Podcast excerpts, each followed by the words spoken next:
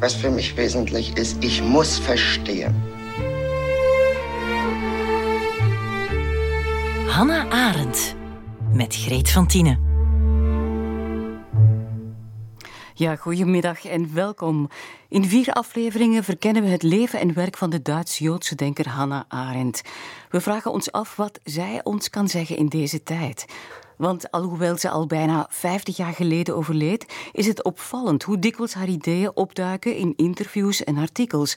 Bijvoorbeeld als we praten over wat vrijheid is, over hoe een samenleving opbloeit of vernietigd wordt, over de kwaal van isolatie en eenzaamheid in een consumptiemaatschappij of over de precaire positie van vluchtelingen. Arendt dacht erover na en toch mogen we haar geen filosoof noemen. Ja, ich fürchte, ich muss erst einmal protestieren. Ich gehöre nicht in den Kreis der Philosophen. Äh, mein Beruf, äh, wenn man davon überhaupt sprechen kann, ist äh, politische Theorie. Ja, Anna Topolski, hartelijk welkom. U bent hoogleraar filosofie aan de Radboud Universiteit in Nijmegen en vertrouwd met het werk van Arendt. Waarom was Arendt daar zo radicaal in? Ik behoor niet tot de kring van filosofen. Het is alsof ze zegt, doe me dat niet aan. Ja, het is grappig, want... Ehm, als ik hoor het nu, ze zegt ja, ik wil protesteren. En ik vind het wel grappig, want het doet me direct denken over uh, de werk van Sarah Ahmed. Die spreekt van een feminist killjoy. Het is eigenlijk dat als je een beetje anders denkt of doet of anders bent, zoals Arendt als de enige vrouw eigenlijk in die kring, dat het, je voelt niet totaal welkom. Dus je, je, je hebt zo'n beetje van, ik neem afstand. Maar bij Arendt was het wel toen, omdat eigenlijk de manier dat ze filosofie leest, zij had altijd een kritiek vanaf Plato dat het niet politiek genoeg was. Dat politiek was altijd in tweede plaats tegenover denken. Dus voor Arendt was eigenlijk haar protest van ik wil dat we focussen op doen en denken komt een beetje in tweede plaats. Ze wil alles verstaan, maar gewoon om te kunnen doen, wat heel typisch Joods is. Ehm, en daarom was eigenlijk ze bezig met een protest. Uh, maar het is grappig, want als ik denk een beetje over mezelf nu, ik wil ook niet echt bij het filosofisch kanon zijn, want het blijft heel klassiek, heel eurocentrisch. Dus ik, ik heb ook een, een protest. Ja, het is gewoon, ik voel terug de link met Arendt. Wauw, ze komt, ja. ja. Ja, u promoveerde op het politieke denken van Hannah Arendt en Levinas, maar u verhuisde eigenlijk van Canada, waar u opgroeide, naar Leuven om daar Heidegger te bestuderen. Hebt u haar toen ontdekt? Um, het is wel ik weet niet als ik Arendt kende toen ik uh, in Montreal McGill studeerde, maar het was heel duidelijk. Ik kwam hier naar Leuven. Ik had interesse in fenomenologie. Wauw. Um, en inderdaad in Heidegger en Husserl. En dan, uh, ja, ik ben een beetje mijn interesse zijn direct meer gegaan naar, laten we zeggen, zo de studenten van Heidegger, waarvan Levinas en Arendt. En ik vond wel interessant dat bij Levinas ethiek was eigenlijk kern en bij Arendt politiek, maar ik zag niet zo'n heel duidelijk verschil. En dus daarom begon ik mijn interesse. Maar ik moet ook zeggen, ik denk, als ik kijk terug, ze was de enige vrouw in de Europese kanon. Hmm. En ik denk als vrouw die ging studeren naar Leuven, er waren geen vrouwelijke docenten. Daar was wel blijkbaar één, maar alleen voor de Nederlandse studenten ik had een beetje zoek van, ja, eigenlijk, wat is mijn plaats hier? Ja, um, je plek zoeken echt als uh, vrouwelijke filosoof. Ja, en wat interessant is, dat is ook als we gaan terug over Arendt en de vraag over vluchtelingen. Het is ook eigenlijk een beetje van mensen die ja, op vlucht zijn, zoeken ook een plek. Een mhm. plek in een land, in een wereld, in een samenleving. En um, ja, ik zie meer en meer hoe belangrijk dat is voor ons als mensen. Ja, gewoon echt uh, thuis voelen in het wereld, zoals ze schreef. ja. Mhm. Had u direct een klikken met haar, met wat ze schreef?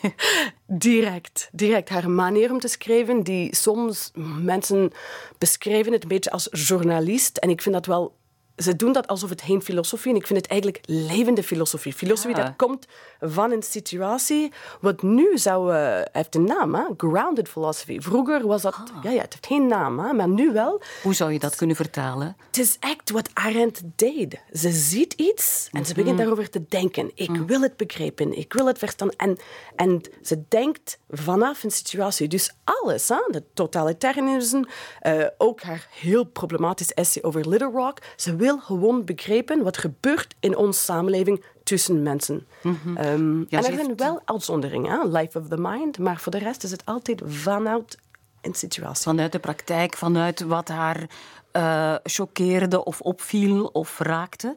Uh, maar ze heeft enorm veel geschreven, inderdaad, eh, gedreven door de, die duistere gebeurtenissen van de 20e eeuw, die zij meemaakte. Eh, haar boeken handelen onder meer over de opkomst van de totalitaire, totalitaire staten, zoals u al zei, Nazi-Duitsland en uh, Stalin-Sovjet-Unie, over het actieve leven, de menselijke conditie heet dat boek, en het denkende leven, dat is het leven van de geest, uh, onlangs nog verschenen in de Nederlandse vertaling van Dirk de Schutter en ah. Remy Peters. Uh, ze schreef ook over vrijheid en verantwoordelijkheid. En natuurlijk dat beroemde werk over het proces rond nazi-misdadiger Adolf Eichmann. Eichmann in Jeruzalem, of de banaliteit van het kwaad, waar toen heel veel rond te doen was. Maar het lijkt dus inderdaad alsof ze zich doorheen die catastrofes en veranderingen van haar tijd denkt. Kunnen we dat zo zien? Ja, het is uh, heel duidelijk, want als we kijken ook over Hanturing een beetje zij is in uh, Koningsberg geboren, volgens mij 1906. Ik hoop dat dat klopt. Um, oh, helemaal juist. Oké, en, en, en wat duidelijk is, ze heeft eigenlijk gekozen voor een heel klassiek opleiding. Hè? Dus ze wou... Oh, ik moet eigenlijk zeggen, het is niet... Volgens mij heeft ze gekozen om theologie te studeren. En dan uiteindelijk heeft ze ook over Augustinus geschreven.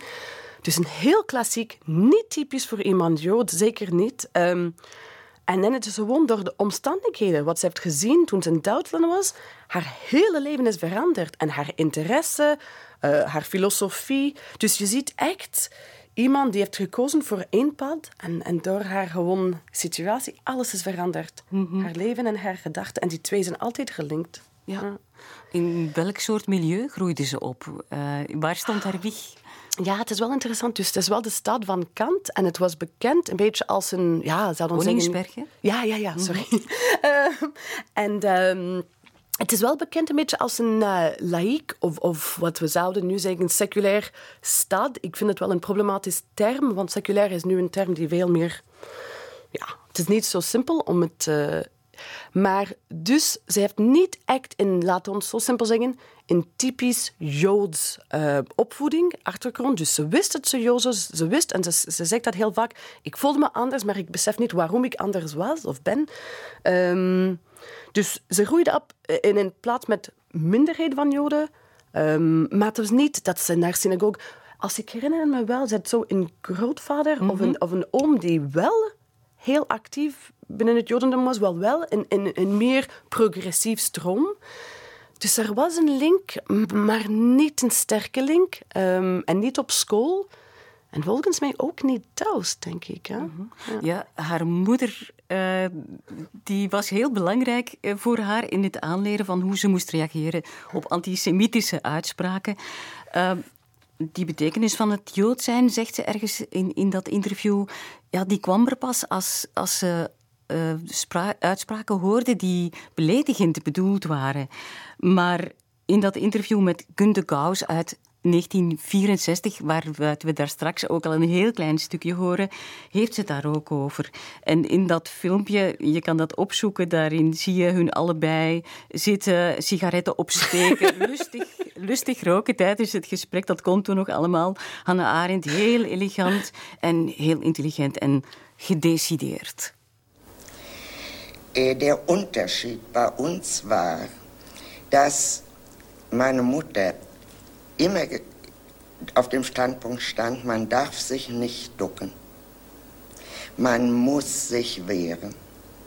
Wenn also, sagen wir mal, von den Lehrern antisemitische Bemerkungen gemacht wurden, meistens gar nicht mit Bezug auf mich, sondern Bezug auf andere jüdische Schülerinnen, zum Beispiel ostjüdische Schülerinnen, nicht? Dann war ich angewiesen, von zu Hause sofort aufzustehen, die Klasse zu verlassen, nach Hause zu kommen, alles genau zu Protokoll zu geben. Dann schrieb meine Mutter einen ihrer vielen eingeschriebenen Briefe und die Sache war für mich natürlich völlig erledigt. Ich hatte einen Tag schulfrei und äh, war doch ganz schön. Äh, wenn es von Kindern kam, äh, habe ich es zu Hause nicht erzählen dürfen. Das galt nicht. Was von Kindern kommt, dagegen wehrt man sich selber. Und äh, so sind diese Sachen für mich nie zum Problem geworden. Es gab Verhaltungsmaßregeln, in denen ich äh, sozusagen meine Würde behielt und geschützt war. Absolut geschützt zu Hause. Ja, mooi hè. De nuchtere, verstandige moeder van Hannah Arendt, Marta, die haar een houding van weerbarstigheid aanleert. En ze haar aanleert om te reageren als er antisemitische opmerkingen komen. Anja Topolski, als ik mag vragen, u bent zelf ook Joods. Ja, uh, en ook moeder. En ook moeder. Herkent u iets, en ook dochter natuurlijk, herkent u iets van die ervaringen oh. waarover zij vertelt? Ja, Oh, ik moet zeggen, het is gewoon ook haar stem. Oh, dat ah, is soms, ja, het is soms zo levende. Um, ja, als ik dit nu hoor, is het wel grappig, want ik moet zeggen, ik, ik plaats mezelf vroeger in eigenlijk Arendt haar leven en nu in het leven van haar moeder.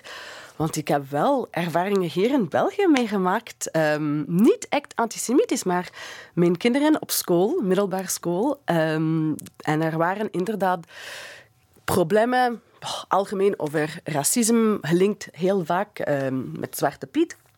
En ik heb mijn kinderen eigenlijk zo opgevoed ook. Het is niet alleen als iemand zal een opmerking maken over Joden, maar als iemand maakt zo'n opmerking over moslims, over zwarte, mm over Roma's, dan moet je wel recht staan. Moet je ook iets zeggen. En je mag. Dus, dus ik heb eigenlijk hetzelfde aan mijn kinderen. En een van die kinderen, de, ja, de jongste is te jong, doet het wel. En dat leidt inderdaad soms tot brieven naar de school schrijven en dan discussies enzovoort. Maar ja, dus, uh, dus nu plaats ik mezelf meer in de moeder en ik vind dat super belangrijk.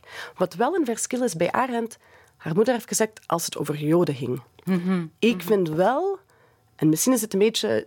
Ik zie wel nu als Joden in Europa, ons taak is ook om recht te staan en verdedigen andere groepen die ook uitgesloten zijn bij zijn Um, dus het is niet alleen als je zelf komt eigenlijk in dit maar wel voor alle groep die wel. Ja. Dus dat vind ik wel een, een klein verschil.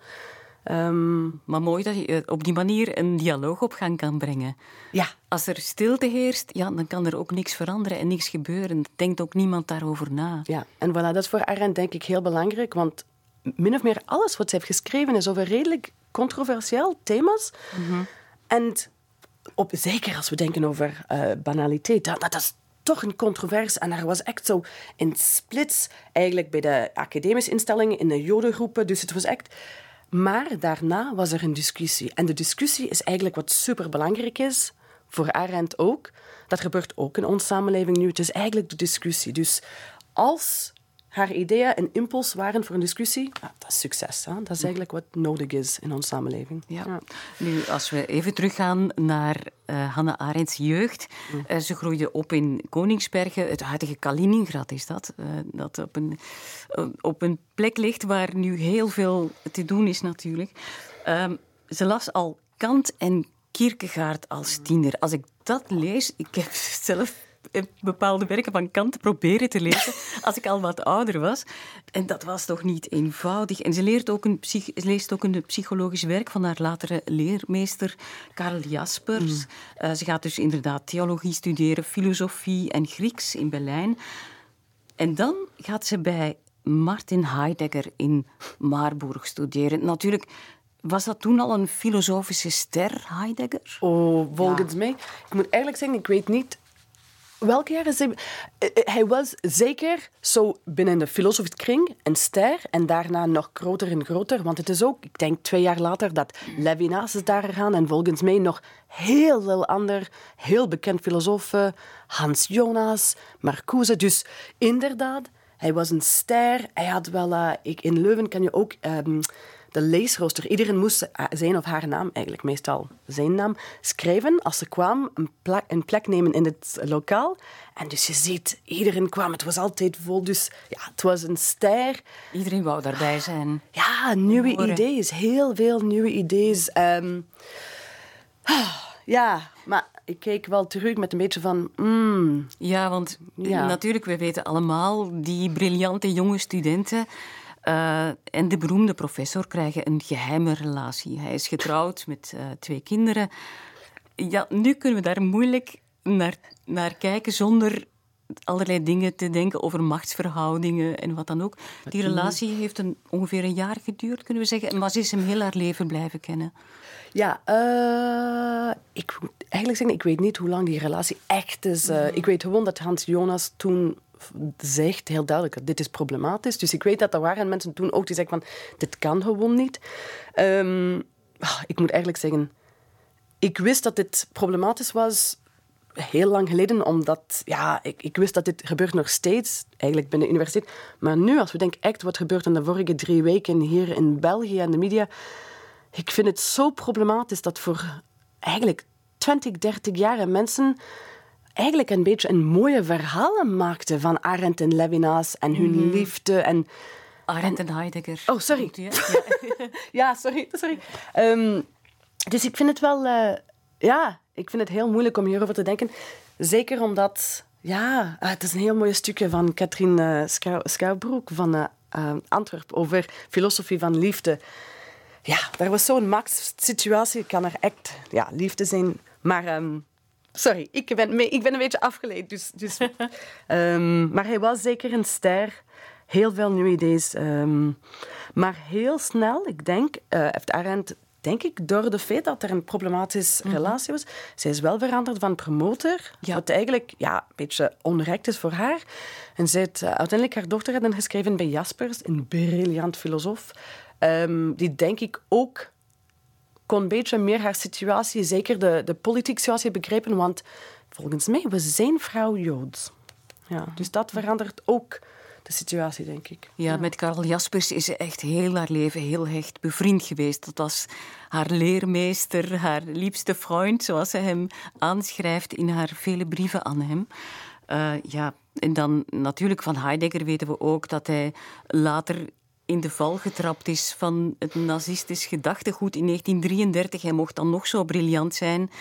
Uh, werd hij een partijlid van de nazi-partij en werd hij rector van de universiteit. En gaf hij een heel, heel pijnlijke toespraak, uh, een heel pijnlijke reden bij de aanvaarding van het rectoraat. Uh, hij zegt dan onder andere: De Führer heeft een nieuwe werkelijkheid geschapen die ons denken de juiste weg en stootkracht verleent. Een heerlijke, ontwakende volks-eigen wil staat op in een groot wereldduister. Ongelooflijk. Ik denk wel, Arendt moet zich enorm verraden gevoeld hebben, toch? Ja, ik moet echt zeggen, ik, ik, niet alleen Arendt, maar superveel van, van zijn studenten. Niet alleen de Jodenstudenten, maar ook heel veel bijvoorbeeld. Ja, het is gewoon ongelooflijk.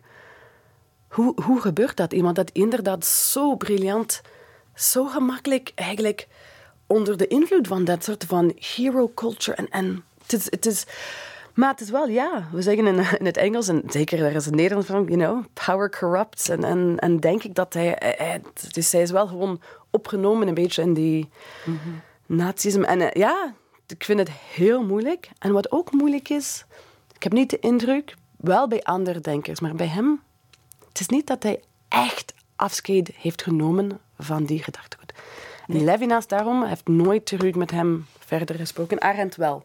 Arendt wou begrepen. Waarom? Waarom heeft Heidegger dit gedaan? Dus hij is een paar keer terug in gesprek te gaan met hem ja, na de Tweede Wereldoorlog. Mm Straks gaan we terug naar dat jaar 1933, waarin zoveel gebeurde. Uh, eerst een lied, de Bilbao Song, een lied van Kurt Weill en Bertolt Brecht, gezongen door de fantastische Ute Lemper.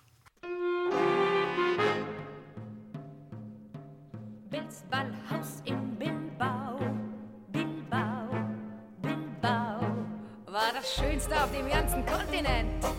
Da gab's für einen Dollar Krach und Wonne, Krach und Wonne, Krach und Wonne. Und was die Welt ja Heige nennt. Aber wenn Sie da dabei gewesen wären, ich weiß nicht, ob Ihnen sowas grad gefällt. Ach, brennt die Laken waren, wo man saß. Auf dem Tanzboden wuchs das Gras. Und der grüne Mond schien durch das Dach. Ne Musik von der Hanna wurde was geboten für sein Geld. Hey Joe, mach die Musik von damals nach.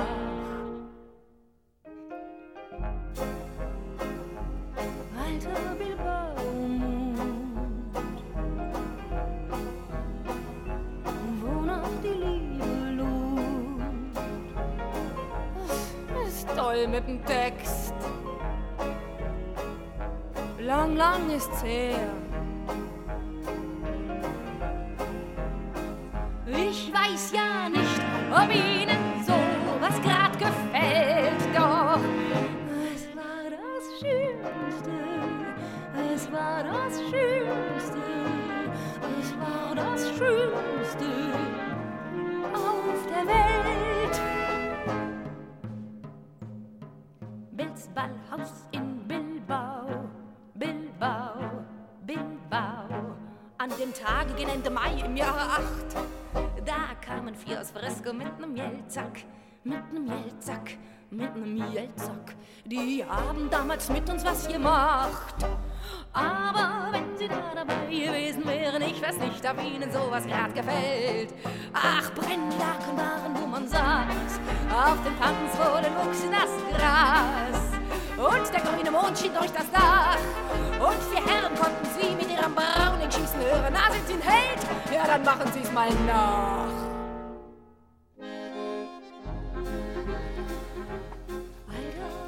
Ja, dat eh, was Bilbao Song uit de musical Happy End van Weil en Brecht. Ze ontvluchten allebei Nazi-Duitsland in 1933 en komen na omzwervingen ook in Amerika terecht, net als Arendt. Maar Brecht zou daar later nog vervolgd worden voor on-Amerikaanse activiteiten en vertrekt in 1949 naar Oost-Berlijn. Hele zwerftochten hebben zoveel mensen gemaakt in die tijd.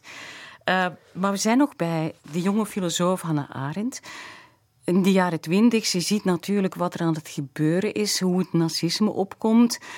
Ze verkeert in academische en intellectuele milieus, maar ze doet ook werk voor een zionistische organisatie, waarvoor ze um, antisemitische uh, quotes moet verzamelen uit de pers. Waarom is dat zo belangrijk voor haar? Waarom heeft ze beslist om dat praktische werk te doen? Eigenlijk volgens mij, als ik, ik herinner wel, ze deed het om, die, die soort van om te helpen. Dus ze was zelf niet echt betrokken, of ze had niet superveel interesse in Zionisme, in het Jodendom in het algemeen. Maar ze kwam wel in een milieu, ze zag wel wat gebeurt, omdat ze niet gelinkt was aan ofwel Marxisme ofwel Zionisme. Had, wie was het, Kurt, um, wat is zijn naam? Uh, Kurt Kraus? Die nee, nee, nee, het is niet Kurt Kraus. We hadden dat, nee, nee, nee, het is iemand die een beetje als oom was voor haar. In elk geval, hij was bij de, bezig bij de Zionisten. Hij heeft haar gevraagd om te doen, want hij was eigenlijk, laten we zeggen, een beetje under surveillance. Hij kon het niet doen. Dus ze deed het niet eigenlijk eerst vanuit een soort van dit moet ik doen, maar om iemand te helpen. En daarna, ze beseft zelf waarom dat zo belangrijk was. Um, en dan eigenlijk haar hele leven is veranderd. Want inderdaad, zij is in de gevangenis geland. Ja, ze um, werd gearresteerd, hè? Ja. ja. Um, maar dan komt een heel mooi verhaal. Mooi, maar oké, okay, het is moeilijk. Dus in de gevangenis. En hoe komt ze uit die gevangenis? Hoe is ze eigenlijk mogen vluchten met haar moeder volgens mij naar Frankrijk? Ze begon in gesprek met die um, in de gevangenis. Uh, oh, die cipier. Ja, voilà. En, en in plaats van daarover eigenlijk een soort van, ja, laat ons een binaire situatie van ik ben een gevangen, jij bent eigenlijk mijn...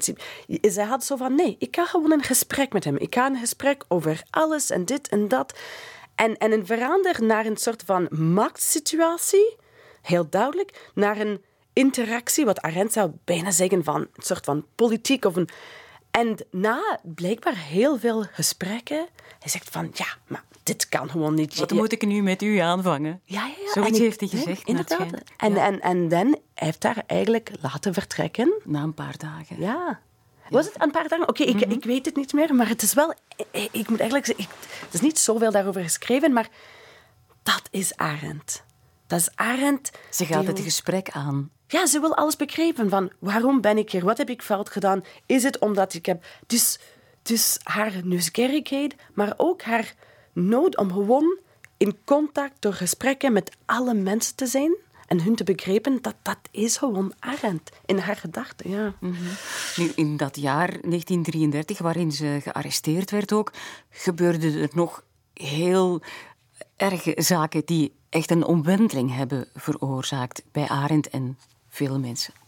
In gewissem Sinne kann ich sagen, am 27. Februar 1933 Reichstagsbrand und die darauf in derselben Nacht erfolgenden illegalen äh, Verhaftungen, ja. die sogenannten Schutzhafen. Ja. Dies war für mich äh, ein unmittelbarer Schock. Und äh, von dem Moment an habe ich mich verantwortlich gefühlt. Das heißt, ich war nicht mehr der Meinung, dass man jetzt einfach zusehen kann. Ja, uh, ze kon niet meer gewoon toezien. Het is een echte ommedraai geweest voor haar, die Reichstagbrand en dan de illegale arrestaties.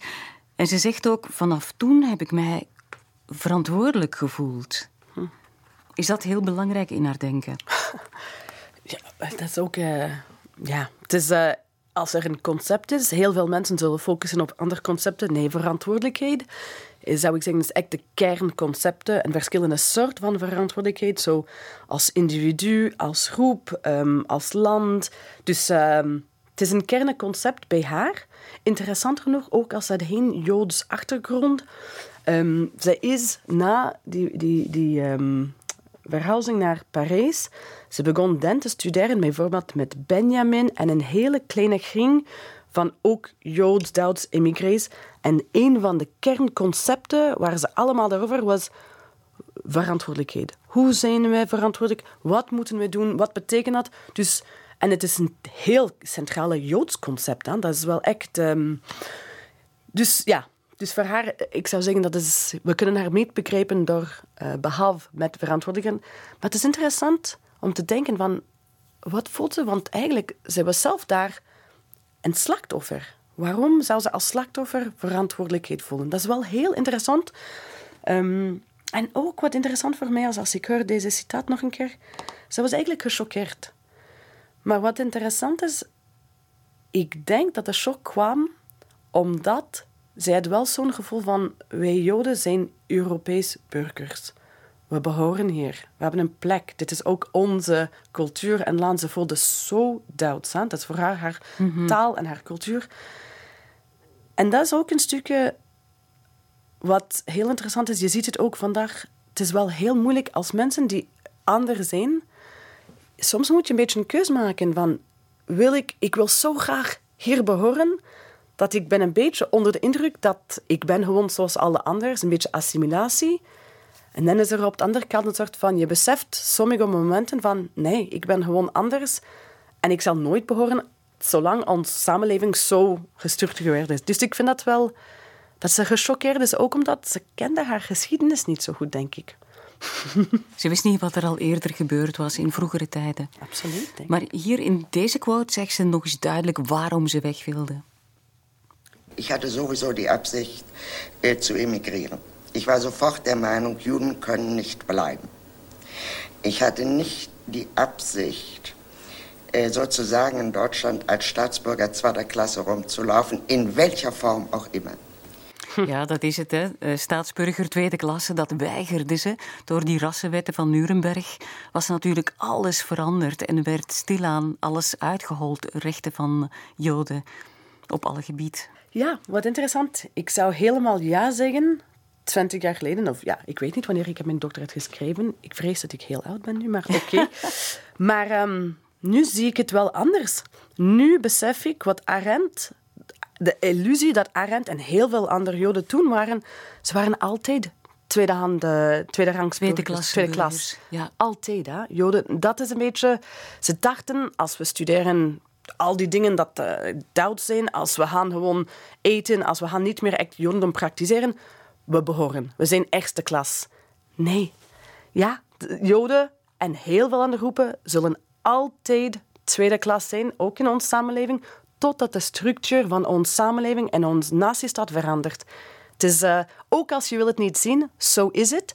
En het is alleen in situaties van crisis dat het duidelijk is. Als we mhm. denken ook over de tweede generatie van um, grensarbeiders die uh, in België, die meestal van landen die moslim waren.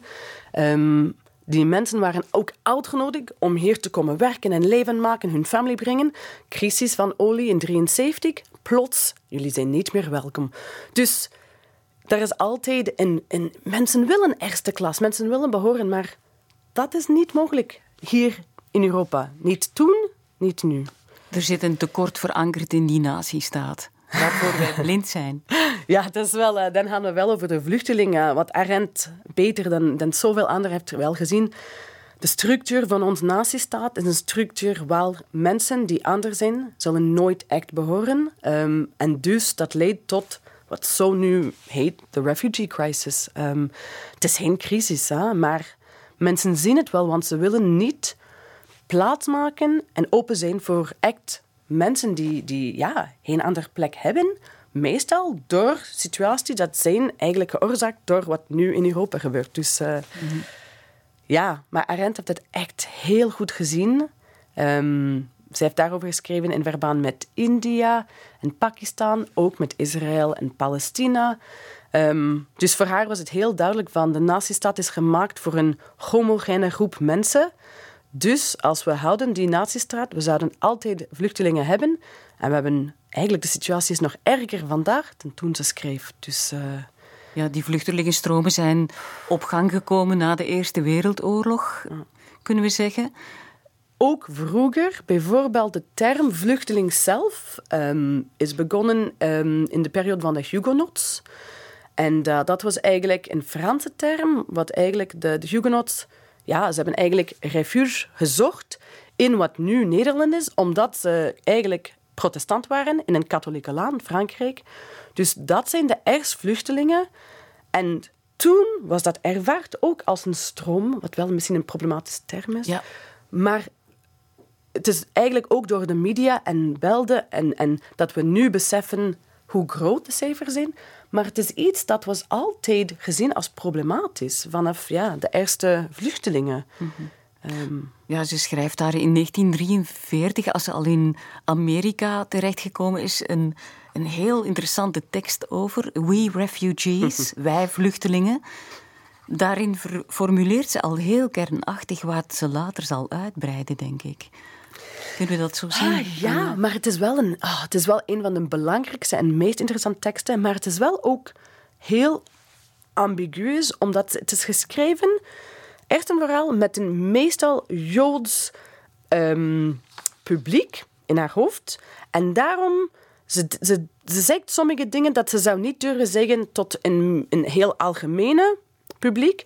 Ze is ook heel sarcastisch, wat niet altijd begrepen is door mensen die, die niet in die, die sfeer. Dus je moet het heel voorzichtig lezen, maar het is wel heel belangrijk.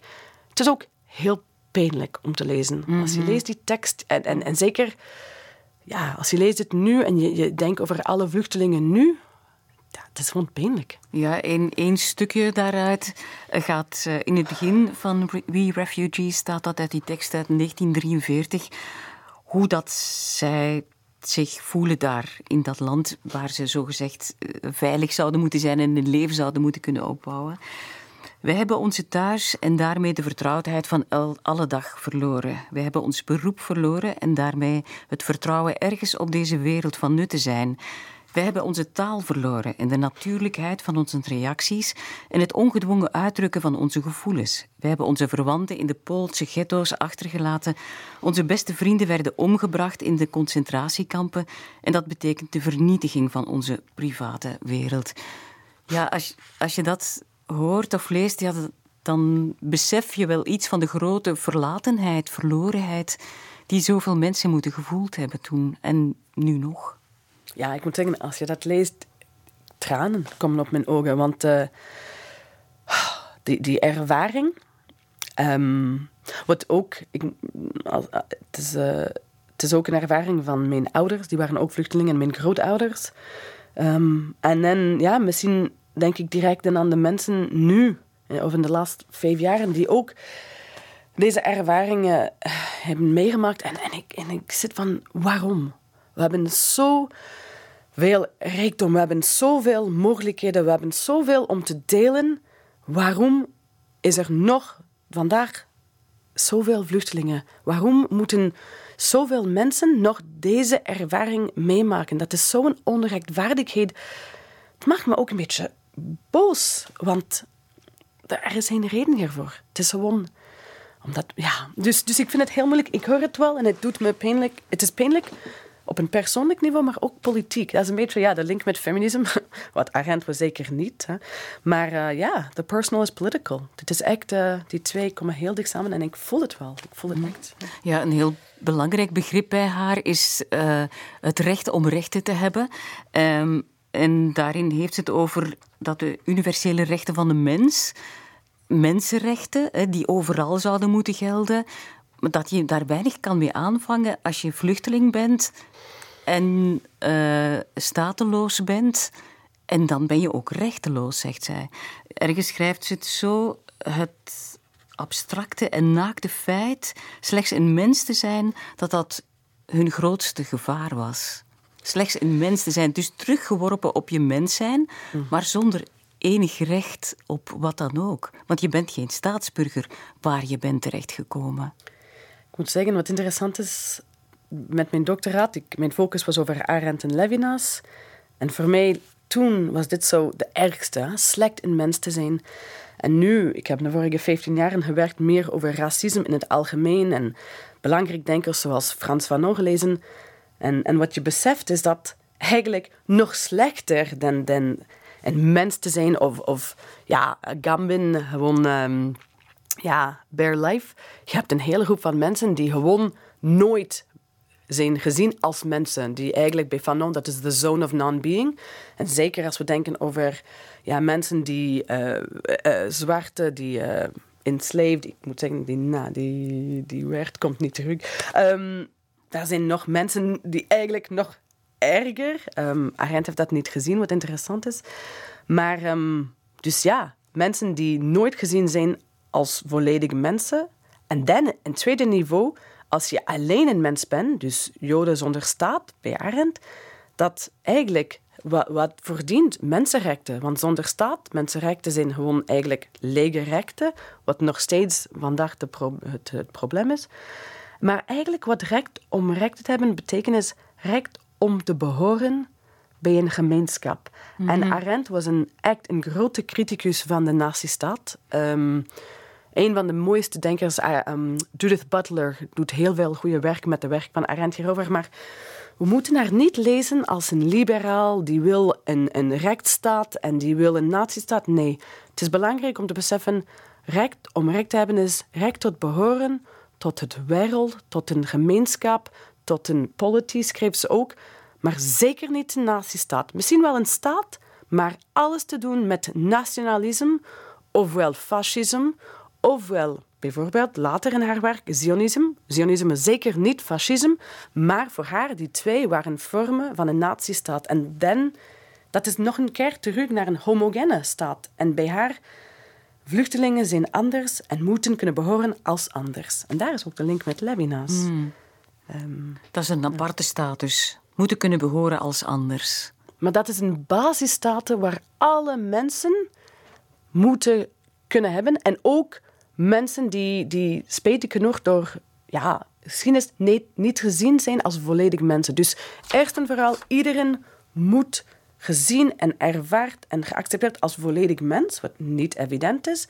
En ten tweede, een recht om te behoren. En waarom is dat nodig? Als je niet mens bent, of gezien als mens, en je niet echt behoort, je hebt geen mogelijkheid om echt actie te nemen, om, om, om agency op te nemen. Mhm. En als je geen agency, kan je ook geen participatie, kan je niet eigenlijk het leven of het wereld veranderen. En voor Arendt, dat is ook de kern van politiek. Ja, Je, kan niet, je kan wel spreken, maar je wordt niet gehoord. je kan niet handelen, niks in gang zetten, niks beginnen. Ja. Ja, en dat, is, dat zijn allemaal termen die bij haar zeer centraal zijn, denk ik. Ja, absoluut. Iets nieuws kunnen beginnen. Ja, dat is wel... Uh, en, en, dat is, was een van de heel ja, origineel punten van Arendt. Ze neemt wel een idee van Augustinus, dus een, een theologisch denker van de vierde of de vijfde eeuw. En ze neemt die idee om iets in het politiek te brengen, van het idee van elke mens door ons nataliteit kan wel iets nieuw brengen. En één nieuwe verandering kan het hele wereld veranderen. Dat is ook... Uh, ja, dat is gewoon zo'n mooi idee. En eigenlijk, ook als het lijkt een beetje hoopvol, het klopt ook. Want je weet nooit wie zou wat veranderen en welke soort van chain of link dat zou mhm. kunnen starten. Um, ja, dat soort van spontaniteit, dat is ook wat maakt ons, ons leven zo mooi. En we zien ook in onze huidige politieke situatie hoe bang mensen zijn voor dat soort van spontaniteit of dat soort van verandering. En hoeveel politieke partijen proberen controle, beheersen over dat soort van spontaniteit, omdat ze schrik hebben. Ehm, eigenlijk zoals toen. Dus die links, daarom is Arendt eigenlijk ook superbelangrijk nu. De links tussen toen en nu. Uh, met uh, ja, the rise of the right is wel, uh, ja... Ze, ze, is nodig in deze tijd? Ze is altijd nodig. Um, voor haar gedachten. Ook voor de feit dat ze de enige vrouw is in de Europese kanon. nee, maar ze is zeker nodig. Omdat ze was zo'n bijzonder denker. Um, zo anders. En, en daarom moeten we ja, terug en zien alle positieve, maar ook alle negatieve. Dat is ook negatieve. Maar uh, nee, ik vind er nog steeds, ik zeg het heel vaak uh, als ik lesgeef aan de studenten, dat zij blijft een beetje mijn bril. Mijn ja. bril in het leven. Ja, ja, je kijkt zie... door haar werk heen naar de realiteit ja. van u. Ja. Ze helpt, ze helpt je denken. Zeker. Over die dingen van u. Ja. Nu, als we even teruggaan naar haar vluchtgeschiedenis. In 33 vlucht ze Nazi-Duitsland uit. Uh, ze komt in Parijs terecht, waar ze jaren woont. Waar ze ook haar latere man leert kennen. Heinrich Blücher. Echt een, uh, een relatie van gelijkheid. Intellectuele gelijkheid ook, kunnen we wel zeggen. Uh, ze hebben ook veel samengewerkt, samengedacht, samengesproken. Discussies gevoerd. En dan, na jaren komt ze, komen ze allebei terecht. De moeder ook van uh, Hannah Arendt in Amerika. Ze had heel veel mensen verloren, onder andere haar goede vriend Walter Benjamin, die nog een prachtige laatste tekst met haar meegaf en die het niet overleefd heeft. Hij heeft zelfmoord gepleegd. Um, ja, op de Spaanse grens, ja. Aan de Spaanse grens. En uh, ze zal hem dus nooit meer terugzien, maar hij is wel heel belangrijk gebleven voor haar. Zoals zoveel andere mensen die ze heeft moeten achterlaten of die ze verloren heeft. Maar als je dan naar latere werk leest, ze is 18 jaar stateloos geweest, 18 jaar rechteloos zou zij daarbij zetten. Pas in 51 heeft ze de Amerikaanse nationaliteit gekregen. Maar als je dan ziet wat ze allemaal voor elkaar heeft gekregen, dat ze zoveel geschreven heeft, zoveel boeken uh, geschreven, zoveel les gegeven aan al die jonge studenten die ook voor haar het symbool wa waren van het nieuwe dat in de wereld kwam. Elke nieuwe mens is een kans op iets nieuws. Dan vind ik dat toch fantastisch dat iemand die vluchteling was en, en stateloos zo lang en ellendige dingen heeft meegemaakt en weet wat er in Auschwitz en in de concentratiekampen gebeurd is dat die persoon tot zo'n creativiteit en zo tot bloei kan komen? Ja, het, het blijft nog steeds voor mij ongelooflijk wat ze heeft meegemaakt. En, en, ja, en, en dat ze heeft altijd blijven. Maar het is wel, denk ik, ook een stukje gewoon. Ze is, ze was gewoon zo nieuwsgierig. Ze moest begrijpen waarom gebeurt dit? Waarom mijn leven, ik, ik moet eigenlijk een soort van zin hebben en alles. En dus ze, ze, kon nooit stoppen. Ik heb een beetje een beeld van haar, dat ze elke avond wakker was met, met, met, met lezen van hoe, hoe kan dat gebeuren en, en waarom. Ja. Uh, en dan, ook belangrijk, ze is eigenlijk een beetje een Socratisch denker. Dus ze ging altijd in gesprek met andere mensen om dingen te kunnen begrijpen. En wat heel spijtig is, is nu heel vaak filosofie is gedaan een beetje alleen. En voor Arendt, nee, dat was een Socratisch denker die altijd in gesprek. En je ziet bij haar werk hoeveel, bijvoorbeeld de tweede editie van The Origins, er komt een hele hoofdstuk over Stalinisme. Dat is door de discussies met haar tweede man, die eigenlijk met bezig was. Ja, ja, ja. Dus je ziet, en wat ook zo mooi van Arendt is, ze kon ook haar mening veranderen. Ze, ze was zo van open om te leren en veranderen, om te zeggen van ja, dat had ik niet gezien of dat wist ik niet. En dan ze kan veranderen en dat denken. Dus dat vind ik, dat soort van openheid is zo nodig. En, en ja, dus open, nieuwsgierig. En ook, ja, wat je ziet als je, als je denkt over wat gebeurd is met Benjamin. En ik vind dat, dat een van de belangrijkste aspecten van Arendt, iets waar ik, ik moet eerlijk zeggen, ik heb een link. Ze bleef altijd hoop hebben. En hoe belangrijk het is om hoop te hebben ja, hoe, hoe kan je leven zonder dat? En bij Benjamin, wat gebeurt? hij heb op die moment, en ik kan dat ook begrijpen, hè, dit is geen kritiek op Benjamin. Op die moment was het duidelijk, er was nog een keer een cipier en, en de, ze waren eigenlijk een soort van wachten, kunnen we wel gaan verder naar Portugal of niet? Die avond zelf, Benjamin zei van, nee, ik heb geen meer hoop, ik geef het op, ik kan het niet meer. Zoveel hoop hebben, maar zoveel afschuwelijke dingen gezien in de vorige jaren, ik geef op. Daarom, bij Arendt, ja, wie weet waarom, maar bij Arendt was het, ik zal nooit hoop opgeven. En dat zie je, haar hele leven. Alles. Alles. En ik vind dat super. En dat blijft ook bij haar een heel belangrijk uh, concept in haar gedachtegoed. Hè? Hoop, verantwoordelijkheid, nieuwe. Dus um, ja. Mm -hmm. ja. Hebt u door Arendt te lezen ook uh, meer begrepen wat er met uw ouders en grootouders gebeurde in hun vluchtgeschiedenis? Ja, um, zeker. Link met hoop is heel belangrijk. Ik, ik zie dat ook um, tussen mijn ouders. Er is een groot verschil tussen hoe mijn ouders. Mijn papa, ik weet niet precies waarom, heeft nooit hoop opgegeven. Mijn moeder meer. Ja, ik weet niet precies waarom, maar het is ook een kwestie van sommige mensen. Ja, zijn een beetje anders gemaakt, wie weet het. Maar um, mijn grootouders, um, bij hun was het uh, een verhaal waar je, zeker een van die twee grootouders, um, waar ze hebben gewonnen. Ze waren jong, ze waren juist getrouwd en bij hun was het, ik denk zo, ja, ze kunnen niet hoop opgeven door ook een nieuwe liefde.